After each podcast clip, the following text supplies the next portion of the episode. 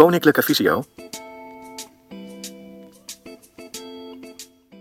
De Opdrachten-app.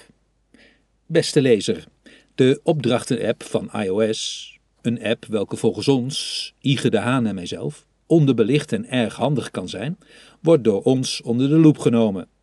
We zullen proberen de mogelijkheden, maar ook de onmogelijkheden van dit stukje software te bespreken, omdat deze app, volgens ons, het leven van mensen met een visuele beperking een stuk kan vergemakkelijken. Overigens ook voor diegenen die gewoon kunnen zien hoor. Ige heeft al een aantal malen geschreven over de app Opdrachten in NCT. Hier geeft hij ook al duidelijk aan dat deze app, naar zijn mening, erg ondergewaardeerd wordt. En zoals ik al schreef, ben ik het met hem eens. Eerst iets vooraf. Zelf ben ik een groot liefhebber van Android en gebruik dit OS dan ook al vanaf het moment dat dit goed toegankelijk is geworden, vanaf Android versie 4.01. In de doelgroep blinden en slechtzienden wordt dit OS echter niet tot nauwelijks gebruikt. En dat is jammer, want hierin liggen echt heel veel mooie mogelijkheden tot gebruik voor mensen met een visuele beperking. Dit besturingssysteem is echter veel bewerkelijker dan iOS en wordt ook simpelweg niet onder de aandacht gebracht door de grote spelers die hulpmiddelen adviseren. Dit verder buiten beschouwing latende, ben ik op enig moment een iPhone moeten gaan aanschaffen voor mijn werk en gebruik deze dus naast mijn Android-toestel. Al snel, iOS 10 was mijn eerste kennismaking met Apple, ben ik tegen problemen aangelopen. Vooral de mindere keuzemogelijkheden aan apps in de Apple App Store heeft mijn ergernis gewekt. Immers, in de Google Play Store vind je altijd wel iets van je keuze. En ja, zoals we graag horen, geheel gratis. Een tijd lang heb ik met meerdere telefoontoestellen op zak mijn weg gevonden. Gebruikte de navigatiemogelijkheden van Android en heb langzaam maar zeker verschillende Google Tools overgebracht naar mijn iPhone. Uiteindelijk ben ik het zat geworden altijd maar meerdere toestellen mee te moeten sleuren en ben ik me gaan verdiepen in, onder andere, het navigeren met de iPhone. Bij nagenoeg alles wat ik ben tegengekomen mankeerde eigenlijk wel iets. De kaarten-app geeft me te weinig terugkoppeling met betrekking tot straten en kruispunten die gepasseerd worden. De Via Opta Nav-app doet het op het ene toestel wel en op het andere weer niet. Maar een van de grootste minpunten vind ik de spraak van de iPhone. Altijd moet je vele handelingen verrichten om de spraak voor buitengebruik goed aan te passen. Aangezien ik voor mijn werk veel op pad ben, is dit dus niet echt handig. Voordat dit een opsomming van klachten wordt, dit moet anders kunnen, dacht ik, en ben begonnen de afgelopen NCT's door te ploegen, omdat ik wist dat een aantal berichten van IGE waren verschenen die het een en ander makkelijker zouden kunnen maken. Eerst dus zelf op zoek. Maar dit is een schier onmogelijke taak. Zoek maar op waar een betreffend artikel staat. Ik luister al heel lang naar NCT en ik heb alles bewaard. Je weet nooit wanneer je nog iets terug wilt lezen, toch? Toen contact opgenomen met NCT, met de vraag of ik in contact met Ige de Haan zou kunnen komen. En ja hoor, dat is gelukt. Uiteindelijk heb ik uitgebreid telefonisch contact met Ige gehad en de mogelijkheden en de onmogelijkheden van de app opdrachten besproken.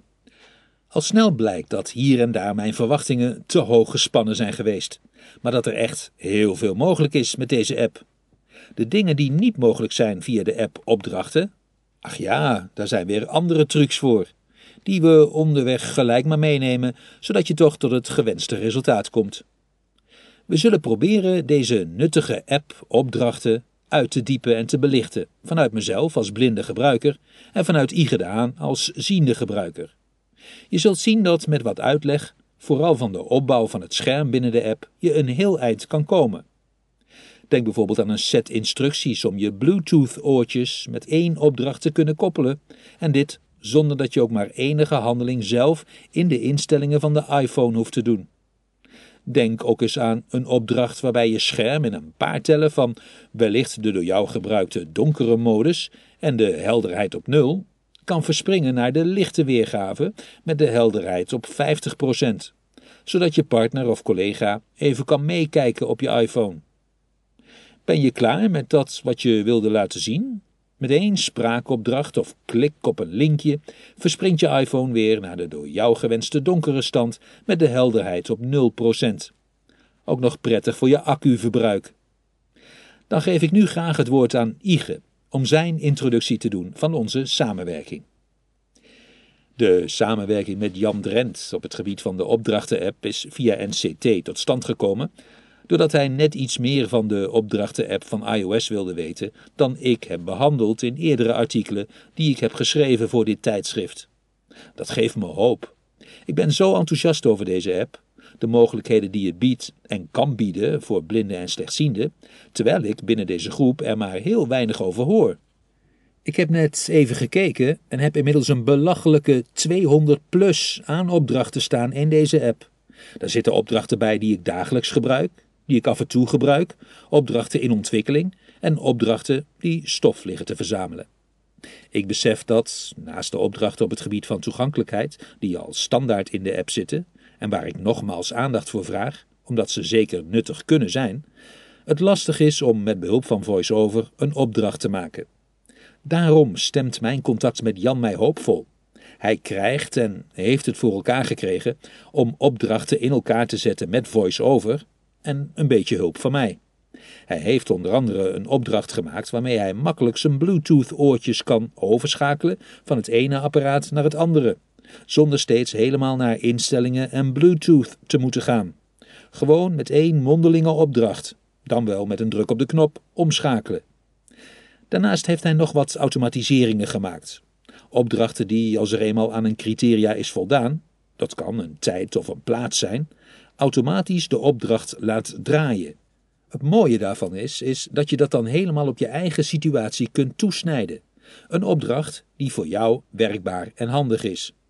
Zo heb ik er als voorbeeld één die elke dag op een vastgelegd tijdstip nakijkt of er nog jarigen zijn, en een tweede die elke ochtend vertelt wat er op de agenda staat en vijf nieuwskoppen ophoest.